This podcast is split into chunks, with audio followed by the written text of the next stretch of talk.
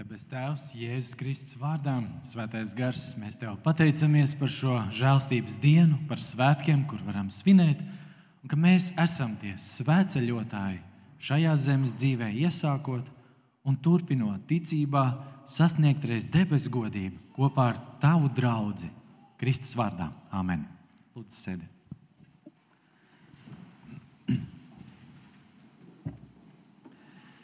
Vispirms mīļš sveicieni jums ah, vēlreiz arī no manis, ah, no Jālgaus Baptistu draugas. Es arī nesu sveicienus no mūsu Jālgaus Baptistu draugas otra garīdznieka, sludinātāja Aināra Gintera. Mēs kalpojam kopā.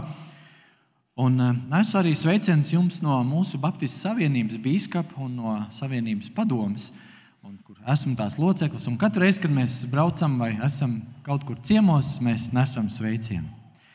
Un tā īsi par Vīlandes draugu. Arī man ir ko teikt. Un, un tās, tās pirmās atmiņas, ja pirmo reizi, kad es ienācu šeit, es trāpīju kristību dievkalpojumā. Tas bija 90. gadu vidus. Un notika kristības. Un es biju toreiz augšā balkonā un skatījos to visu, vēroju. Man vēl kristības nebija notikušas. Es domāju, reiz tajā kaut kā būs arī man. Tā bija man tā pirmā ienākšana Vīlāns draudzē. Toreiz kalpoja mācītājs Almers Ludvigs. Un tad um, šeit pat pagrabstāvā, nu, nebaigais pagrabs no zemāk, uh, tur, ir, uh, tur bija tādas Bībeles studijas, un jaunieši no Rīgas, uh, Jēzus, Lutriskās draudzes bija. Es toreiz kaut kā tā Rīgā uzturējos pie Omītas, mācījos jūrskolā un vienkārši meklēju vietu, kur kristieši pulcējās, lai būtu Dieva vārdā, un tur notiek studijas. Un tad uh, misijas brauciens uz Baškīriju, gatavošanās tam braucienam kopā ar Jēlgavas draugiem, kādiem cilvēkiem no Vīlandes un daudz kopēji. Tas ir jauki. Es nezinu, vai jūs esat to dzirdējuši, bet uh, Vīlandes draugs mēdz saukt arī par Priekulas Baptistu draugu filiāli, bet nu, es to neesmu teicis. Jā. Um, es tā paskatījos kalendārā. Piecus gadus atpakaļ es šeit biju pēdējo reizi arī laikam gada svētkos ar uh, priekulas draugu skorīti. Tiešām. Bet uh, šodien mēs svinam. Svinam, skatāmies gan uz noieto ceļu posmu, gan tālāk uz priekšu. Vēl par Vīlāns draugu nevaru nepieminēt bērnu skoliņu. Unikāla. Jūs labu darbu dariet, jo ir labi absolventi. Jūs redzējāt basģitāristu Gabriels. Viņš ir bērnu skoliņas absolvents. To var pamāt visiem? Jā tālajā, tālajā, ja tur tajos gados. -hmm. Un, uh, viņš arī citas skolas absolvents ir. Bet, uh, mums patika, mums patika bebišu skoliņām būt. Un tad Latvijā nav metro, bet Vīlāns draugs zina, ko nozīmē metro pietura vai ne? Metro. Un noteikti sadraudzības laikā to vajadzētu kaut kur parunāties, atgādināt vai pateikt tiem, kas tad bija ar to metro saistīts. Nu, lūk, un, uh, Un tad uh, Vīlāns draugs ir bijusi ļoti atvērta arī studentiem, kas ir mācījušies. Piemēram, mans draugs Walters Siksta mācījās Baltijas Pastorāla institūtā, un šeit viņam bija istabiņa, māju vieta, kur viņš varēja mācību laikā uzturēties, arī šeit kalpoja. Un tad mēs uh, mierā nevarējām likties, pa dienu vajadzēja strādāt, kalpot, un naktīs mums bija brīdis parunāties. Tad mēs tā klusi iebraucam sētā. Viņš saka, nu tā mierīgi, tā mierīgi, un tad mēs ejam istabiņā parunāties. Un, Tas ir brīnišķīgi, kad ir tik daudz kopēju par draugu, par draugu, dzīvu, aktīvu draugu. Un šodien svētruna par to, ka mēs esam tie ceļotāji, ceļotāji ar savu draugu. Iespējams, kādu brīdi varētu likties, jūs uzsākat šo svētceļojumu individuāli, gluži viens. Varbūt tas ir visbiežāk jau dzīvē, tie ir kādi pārdzīvojumi, kādas sēras vai kāds mirklis, kad ir jāapstājas un saprot, es šitā vairs negribu. Un tur iesākās tie meklējumi, meklējumi pie Dieva, meklējumi visumā, meklējumi ar lielo jautājumu, vai dzīvē ir kas vairāk, vai šī tā visu laiku būs. Un varbūt kādu mirkli tu esi viens, bet tu nevari palikt viens. Tev ir vajadzīga tā karavāna, ir vajadzīga tā ceļotāja grupa, ar kuriem kopā ir droši, ar kuriem kopā var doties tālāk un sasniegt mērķi. Jūs paliekat sēdus, es lasīšu 121. psalmu. 121. psalms. Tur ir vairāki psalmi, kas ir tieši svētceļotājiem. Un te ir 121. Svētceļnieka dziesma. Es paceļu savus acis uz kalniem, no kurienes gan man nāks palīdzība. Mana palīdzība nāk no tā kunga, kas radīs debesis un zemi. Viņš neļaus tavai kājai slīdēt, kas tevi sargā, tas nesnauž. Redzi, Izraēlas sargs nesnauž un neguļ. Tas kungs ir tavs sargs, tas kungs ir tavs pēns, tev pa labo roku. Kad dienā saule tev nespiež, nedz mēnesis naktī, tas kungs lai tevi pasargā no visa ļauna. Viņš lai pasargā tavu dvēseli, tas kungs lai pasargā tavu iziešanu un ieiešanu no šā laika mūžīgi. Amen. Ceļojums. Ceļojumā ir, ir labi. Ir dažādi ceļojumi bijuši, ir dažādi stāsti. Man ir pazīstami stāsti, kur kādi dodas ceļojumā un, diemžēl, neaizbrauc ceļojumā, griežas atpakaļ. Tam ir savi iemesli. Bet uh, pirms šī ceļojuma vienmēr tāds labs starts ir. Un nevienmēr, nevienmēr ir tā, ka šajā ceļojumā var izlikties, nu, ka viss būs viegli un vienkārši. Jūs zināt, saimniecībā jau ir ceļojumi, kurus reizēm ir jāpārtrauc, mēs nogurstam, es nogurstu.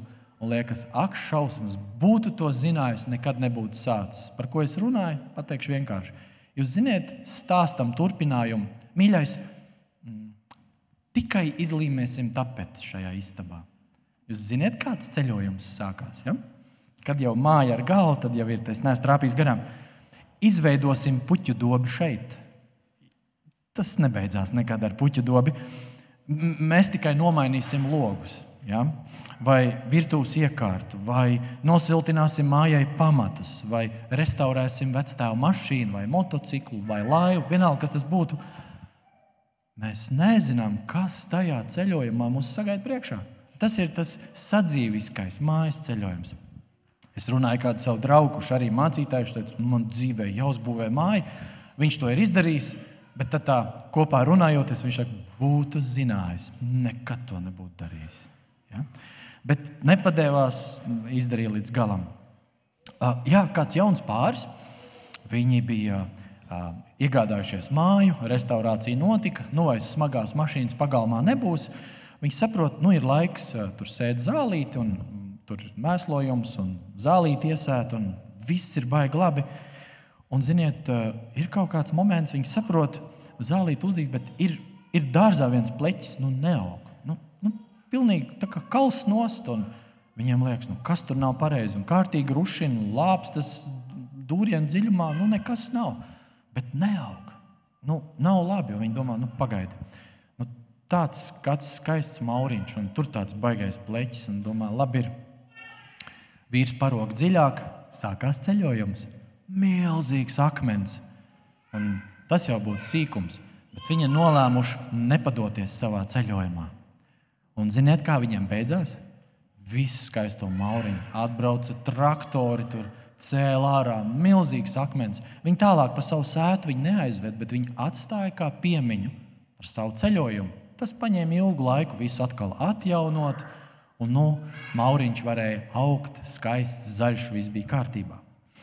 Redz, un tad, kad tu sāc savu ceļojumu, arī kristīgo ceļojumu, gan kā jaunietis, es sāku savu ceļojumu 16 gadu vecumā, Un pēc pirmā baznīcas apmeklējuma man bija ceļojuma komentāri. Tu zini, kur tu esi nokļuvis. Viņi tur dedzina, viņi tur ēd tādas lietas, un tu esi vēl pie baptistiem nokļuvis. Un man nāca palīdzība visādi, vai ne no malas. Bet tas ceļojums patiesi bija sācies. Un, un varbūt arī tev tas ceļojums sācies, un tu saproti, ir viens brīdis, ir laiks, varbūt pat vēl, un tu nevari izturēt, gribas padoties. Bet, ziniet, šie svētie ceļotāji, izrēlieši, viņi dzīvoja izkaisīti pa lielu reģionu. Viņiem bija dažas reizes gadā īpaši svēti, kur viņi bija sakrājuši naudu. Tur bija kādas dārgas lietas, tur bija lopiņi, kurus viņi devās upurēt, grēkus izpirkt. Un, kad viņi devās tajā ceļojumā, liekas, skaisti dzied slavas dziesmas. Nē, tas ir briesmīgi. Kalni viņiem asociējās ar milzīgām briesmām, jo tur zināja arī bandīti, ka svētceļotāji nāk. Viņus varēja viegli apzakt, aplaupīt, un reizēm tas ceļojums beidzās letāli. Mēs šorīt braucam no Jālgavas puses, un tiešām uz Jālgavas šoseis satiekam vienu mašīnu, otru, un liekas, nu, uz kurien jūs tā, uz templi ceļojumā esam, mēs braucam. Un tagad mēs nākam šeit iekšā, un ir tās mašīnas, viss ir kārtībā. Mēs jau prātā nemaz neaptveram, ja kāda mašīna neiegrieztos, ja kāda mašīna nav sasniegusi galamērķi, kas notika, tad viņa aizgāja bojā. Nu tā. Nē, tas ir, ir svēta lieta. Mēs esam ceļojumā arī uz dievnam, atnākuši šeit. Un tad nu šodien tādas trīs vienkāršas lietiņas, ko gribētu pateikt, ko mēs varam paņemt no šī psalma. Meklē Dievu un paļaujies uz Dievu. Nu, tad, kad ir tās briesmas, ja? meklē Dievu un paļaujies uz Dievu kalnos.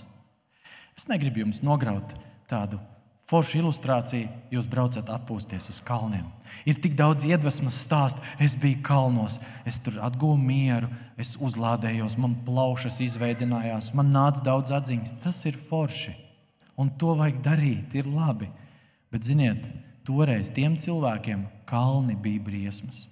Jo tur bija slāpes, nebija ūdens viegli, nemēta, nebija pieejama tāda avoti pa ceļam, viņiem bija karstums. Un tad, kad viņi gāja un varbūt nogura ejot tajā karavānā, viņiem, viņiem draudēja briesmas. Un pilnīgi iespējams, jūs spējat iztēloties, vecāki, jūs ar saviem bērniņiem no 12 gadu vecuma puiši tika vest uz templi. Un, un, tur, un tur šie pusauģi, tēti, es vairs nevaru, māmu, es vairs nevaru, ejam atpakaļ, es vairs neizturēšu. Kā mēs reaģētu uz to? Un varbūt ir, kad šis ceļojums kādiem arī beidzās, un viņi griežas atpakaļ. Un tas, tas, ir, tas, ir, tas ir žēl. Un tāpēc šiem svētceļotājiem bija arī tādas iedvesmas dziesmas, un viņas ir vairākas. Kalpojot vīru nometnēs, Arī viņiem ir iedvesmas dziesmas, nu, nedziedāšu viņas. Šeit nesapratīs tās iedvesmas dziesmas, bet, bet reiz no reizes izdodas arī kādu, kādu foršu to, to, to ritmiņu, dabūt arī kādu kristīgu dziesmu, palaist kādus, uh, ierīmēt kādu uh, vēstījumu par Dievu. Un, un tiešām, kad visi tādā vienotā balsī soļo un pilda to smagu uzdevumu, nu, tiešām enerģija nāk, vieglāk paliek. Mēs esam vienoti svētajā ceļojumā no kurienes tad nāks mana palīdzība? Un Asafa dzied, viņš, viņš dzied un, un priecājās par to. Un, un viņš atgādina par to, ka Tēvs ir labs, Dievs ir labs, no viņa nāk tā palīdzība. Reiz kāda mamma ar savu dēlu ir iegriezusies pilsētas veikaliņā, senāks laikus atpakaļ. Un eh, veikalnieks ir tāds reti labsirdīgs cilvēks. Viņam uz letes stāv milzīga stikla bļoda ar ledenēm, ar konfektēm. Zināt, ko nozīmē dabūt bez maksas konfekti, ledeni. Ja? Un veikalnieks ir apgūlis iespējams kādus pārdošanas kursus vai, vai viesmīlības mākslu, un viņš jaunākiem pircējiem, jeb tie, kas nāk līdz vecākiem, viņš vienkārši paņem to lielo trauku un iedod izvēlēties konfekti. Un tad viņš saka, tu vari paņemt. Un tad tas, tas puika ar to mammu iet tajā veikalā un, viņi izdara kādus pirkumus. Un, un tad tas viesmīlīgais pārdevējs ņem to stikla trauku un dod tam puisim. Ziniet, dīvaina lieta. Tas puika to roku liek aiz muguras. Ko jūs padomājat? Nu, kaut kas nav rītīgi. Nu, mamma nu, dēls, nu, ņem, nu, ņem, nu, iegrābies kārtīgi. Viņš ir aiz muguras. Un tad viņš tā vēlreiz, vēlreiz tā piebiksta, nu, lūdzu. Tas veikalnieks nevar izturēt. Viņš paņem, iegrābjas un saka, mamma, attaisiet somu un ieber kārtīgu mučkuli ar konfektēm. Mamma somā. Viņi iet ārā un mamma saprot, ka nu, kaut kas puikam nav kārtībā. Viņa tā iziet no veikala, lai veikalnieks vairs neredz un jautā, paklau, kāpēc tu neņēmi konfekts? Viņš saka, mammu, pasties uz manu roku. A, tu redzēji, kāda viņam roka? Tu zini, cik daudz tev tagad ir konfektes? Kas par aprēķinu? Kā viņš to varēja iedomāties, ka tāda žēlastība notiks? Draugi, lieciet malā savus aprēķinus. Lieciet malā jūsu iztēli par to, kāds ir Dievs, ko Viņš tev dos vai nedos. Viņš iedod daudz vairāk, nekā jūs varat cerēt vai sapņot. Viņš dara, viņš ir palīdzība. Otrā lieta - atceries, Dievs visu redz un pārvalda. Mana palīdzība nāk no tā kunga, kas radīs debesis un zemi. Tā grūti iztēloties, bet tur kāds, kas ir visumā iekustinājis zvaigznes, un viņas rodas arī vēl šodien. Un ir kāds, kas to visu notur. Un viņš šeit virs zemes redz tavu dzīvi un saka, es, es esmu, es esmu tev līdzās, es tev vadīšu un es tev sargāšu. Un te ir tas trakākais. Kad ir tā cīņa, kad ir tas gājums, kad ir grūti, gribās griezties atpakaļ, gribās pamest. Varbūt arī tie pārpratumi notiek, varbūt reizēm arī tā svētceļojuma virziens mainās. Dzīvē tā notiek. Tādi gadījumi ir. Reiz kā divi brālēni satikās, nu, viņiem ir diezgan liela gadu starpība. Un um, tas uh, vecākais jau ir nu, bijis arī tādā uh, militārā dienestā un izgājis uh, visu, kas ir nepieciešams, tā formā. Bet, ziniet, gadiņi ir gājuši, viņš vairs nav tam tā ļoti pievērsis uzmanību. Bet viņš ir, viņš ir aizbraucis ciemos pie uh, jaunāka brālēna, un viņi grib pavadīt labu laiku kopā, jo tas vecākais reiz auklēja to, to jaunāko. Un saka, zini, ejam šodien pastaigāties, paņemsim mugursomu, ūdenī, tur maizīt līdzi un iesim. Tas vecākais tā redz tās dedzīgās acis, tās, to enerģiju. Saka, nu, cik tālu iesim? Ir tādi jautājumi bijuši. Nu, cik tālu mums jāiet? Un viņš saka, nu, tepat līdz tam kalnam, tu taču nu, varēji redzēt to kalnu. Nu, jā, nu, tikai līdz tam kalnam. Jā, jā, līdz kalnam un atpakaļ. Un, zinot, un, uh, viņi uzsāk to gaitu, to ceļu. Paiet laiks, kas pāris stundas jau ir. Bet tas īstais kalns vēl nav. Un tad tam vecākam brālēnam tāds jautājums, pakaļ, nu, vajadzētu atpūsties, bet viņš ir bijis militārs persona. Nu, taču vecis, ne? Un nevar. Un tā viņš noturās, ziniet, bet ja ikdienā tā nestaigā, arī pa kalniem nestaigā, viegli nav. Un viņš vairs nevar izturēt un saka tam jaunākajam, paklau, nu atpūtīsimies. O, oh, jā, pareizi atpūtīsimies, es piemirsu, tev vajag atpūsties. Vīrieši ego trāpa un tā, un tā. Viņš saka, bet paklau, cik tālu mums jāiet? Viņš saka, nē, nu, tepat aiz, tepat aiz šī būs tas kalns. Ziniet, nebeidzās jau labi tam vecākajam. Viņš bija gatavs jau divas reizes griezties atpakaļ, jo ir grūti. Bet jaunākais redz, viņš ir dedzīgs, viņam viss ir priekšā, viņš redz to, to, to gala mērķi. Un redziet, ja tā padomā, arī kristīgā dzīvē ir tie lūzuma punkti. Ja paskatās uz pulksteni, tur redz, ir tie 12. Tu esi nācis pie Kristus, tev ir, tu esi iepazinis draugu cilvēkus, tev ir tas dedzīgums, šķiet, tev ir atbildes uz visiem dzīves jautājumiem. Tu varētu dot korekcijas un tu varētu dot padomus visiem, bet tad ir tam pulkstenim tie pulkstenis seši. Un tie seši ir tie, kas ir tas šķietajā pulksteņa ciparnīcā, ir tas zemākais punkts. Es nezinu, kā jūs, es esmu tur iegriezies. Es esmu tur iegriezies vairākas reizes. Un īpaši tās reizes, kad es esmu devis daudz padomus cilvēkiem. Un, laikam, saprotu, es jau zinu, teorētiski, kā varētu no šejienes tikt ārā. Bet tad ir tas brīdis, kad vajag palīdzību. Un es esmu ļoti pateicīgs, ka tā palīdzība ir nākusi no draudzes. No tiem, kas mīl Dievu, no draudzes cilvēkiem no uzticamiem ticības māsām, brāļiem, ar kuriem var parunāt sarežģītas lietas, kuriem var pastāstīt par sirds smagumu, ko šodien saucam par grēksūdzi. Vajag tādu. Un tad, kad ir tas notikums bijis, kad ir, ir kāds laiks pagājis un var redzēt, oh, es ceļos ārā, es neesmu vairs tajā zemākajā punktā, tad vairs negribās dot lielas padomas cilvēkiem. Tad gribās būt līdzās klausīties. Paturēt rociņā vajag, uzlikt roku uz pleca, iedot kādu salveti, pateikt, kungs ir tava palīdzība. Es tevi nesaprotu un nezinu, kam tu ej cauri, bet šeit nav gala punkts. Būs vēl ceļš ejams, un es būšu tev līdzās. Un tad, un tad dzīvē metās vēl viens aplis, kurā tu saproti, bet šis ir jauns līmenis. Šeit ir vēl grūtāka situācija.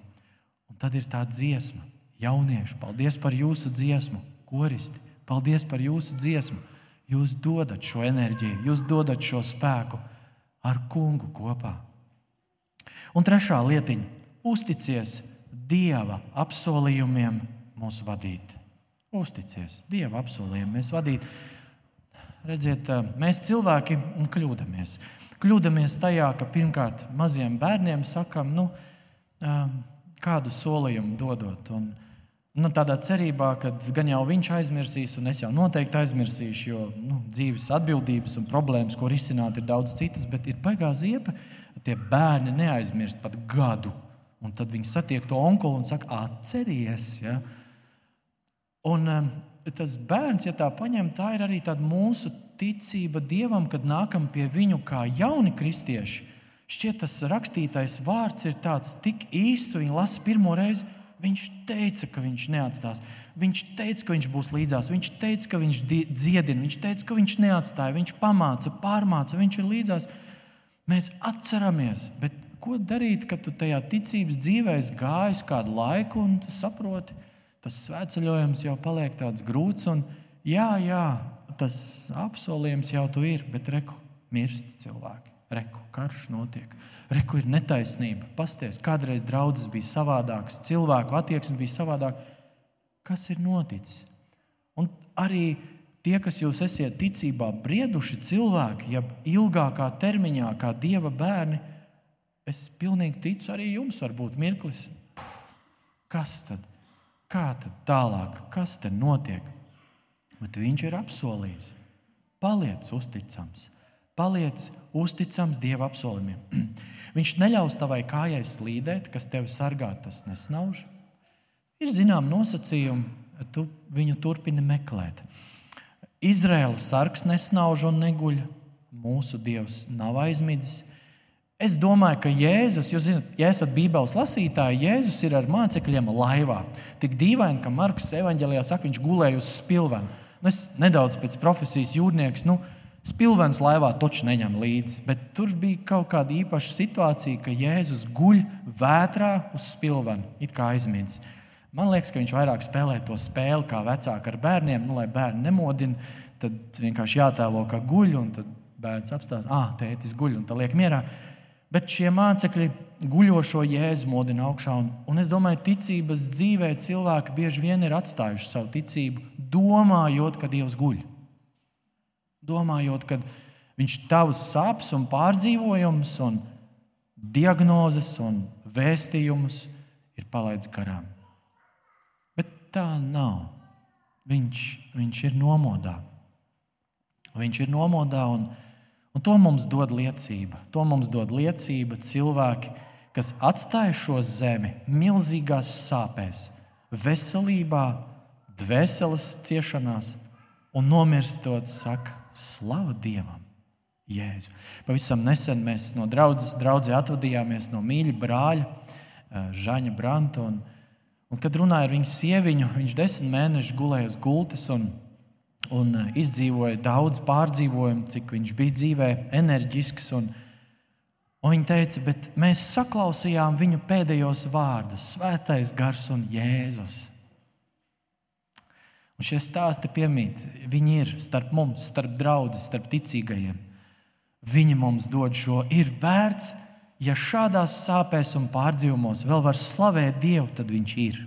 Toreiz teica Jeffrijs Keneda, kurš kādā no GLS konferencēm uzstājās, kurš ir Amerikā vairāku kvartālu eh, rajonā uzbūvējis daudzas skolas, un viņa vecmāmiņa nomira milzīgās mokās un sāpēs, bija mugurkaula vēzis. Viņš atteicās ticēt dievam, vēl nesasniedzis desmit gadu vecumu, jo viņi dzīvoja apstākļos, kur bija žurkas un kur bija milzīgs pagrimums, bet viņa omīte bija ticīga. Un tad, kad viņa nu, mīra, kad viņa bija tuvu nāves gultai, viņa nodeva šo vēstījumu Džefrijam, sakot, Dievs ir labs. Viņš nav kļūdījies. Un, un Džefrijam tas pagrieziena punkts ir tas, ja šādās sāpēs var turpināt slavēt Dievu, tad viņš ir īsts. Ticēt apsolījumiem. Viņš, viņš ir tavs sargs, tava pēna, tavu labo roku. Un redziet, te tie vārdi mums šodien nav tik viegli saprotami. Bet tie, kas jūs dodaties svētceļojumā, ekskursijās, mēģiniet iztēloties, ka tur arī dodas un ir karsts, un ir ļoti karsts. Un e, zinu, ka mūsu puiši, esot tūkstneša operācijās, ir tie, kas uztur mieru uzturēšanas kādās valstīs, kur ir tūkstnesis salviņiem, no 9 līdz 12 litri dienā jāizdzer ūdens, lai viņi ar visu ekipējumu varētu izdzīvot. Tas ir daudz.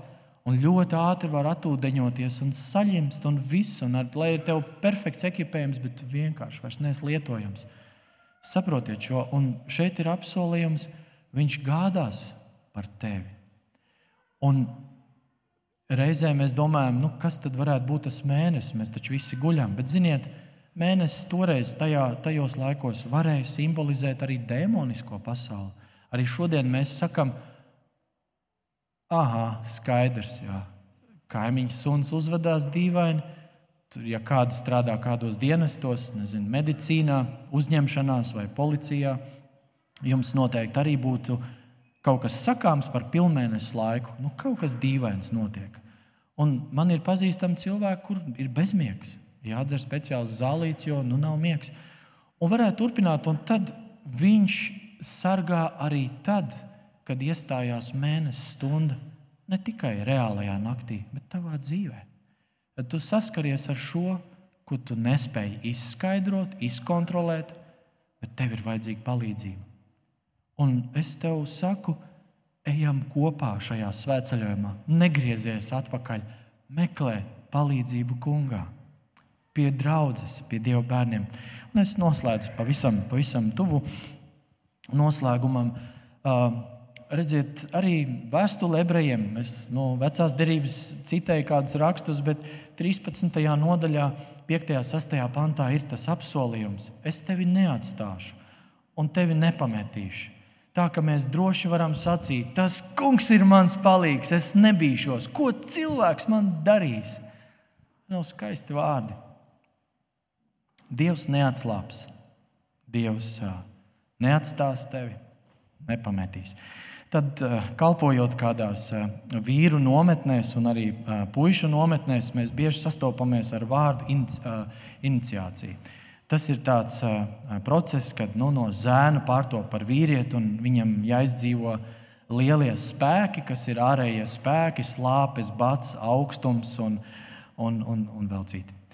Un tad dažās kultūrās ir diezgan skaidri. Nu, piemēram, vadot vienu vīru grupu, es uzdevu jautājumu, nu, veči, kā jūs, kā jūs atceraties, kā jūs kļuvāt par vīriem? Kad tavs tēvs pateica, vo, tagad tu esi vīrietis? Tu tikko biji puišals, bet kad tu kļuvi par vīrieti? Un dažreiz ir saprotams, kāds saka, noliku tiesības, un tagad vecais saka, esmu vīrs. Dabūju pirmo darbu, strādāju, un esmu vīrs. Un tā varētu turpināt, bet mūsu kultūrā tas tā, nu, vajadzīgi jauniem puišiem šie iniciācijas procesi. Noteikti arī vīriešiem ir vajadzīgi.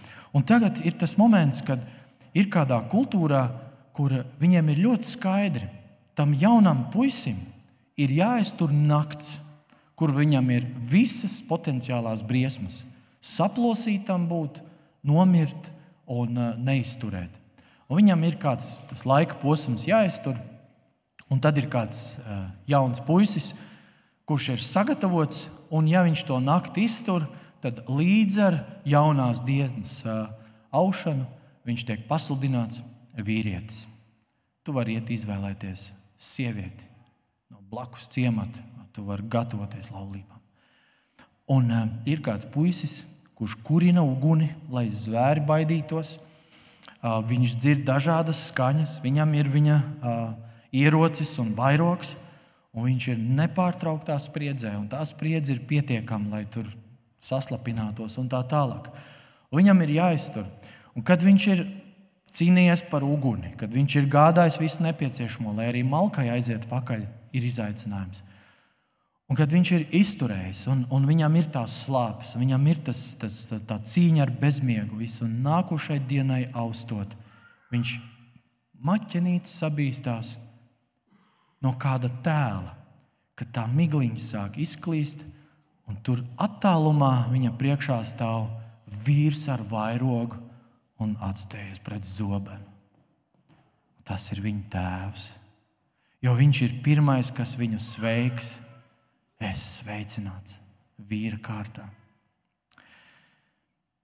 Tēvs mums ir līdzās. Mūsu sveiciens, ko mēs ceram iegūt, ir labi. Tu godīgais un uzticamais kalps, ieej savā kunga priekā, māsas un brāļi. Nepagursim sveceļojumā uz mūžību, nepagursim šeit virs zemes, Vīlāns draugs. Paldies par to, ko jūs dariet, lai Kristus ir ar jums, lai Dievs ir ar jums un dosimies kopā šajā ceļojumā. Āmen! Lūksim! Mīļais debes Tēvs, paldies Tev par eh, atgādinājumu. Paldies, ka Tu ļauj mums arī izprast, ka svētceļojums nav apstājies. Reālajā svētceļojumā detaļām bija nozīme, un cilvēku kopienai arī bija nozīme. Varēja izturēt un aiziet uz Jeruzalemes templi, un varēja neaiziet. Varēja piedzīvot šo svētku uzvaras garšu, un varēja arī to nepiedzīvot. Un mēs, kā draugi, kā tava universa draugi, ticības māsas un brāļi, kas tev ticam, mēs nākam pie tevis un lūdzam, Kungs, lai mūsu svēceļnieku dziesma skan, lai viņa ir skaļāka, drošāka. Tas, kas paguris, lai klusē un atgūst spēkus, tas, kas ir spēcīgs, lai dzied par to, kas ir paguris. Un tādā veidā kopā uz priekšu. Kristus vārdā es to visu lūdzos. Amen.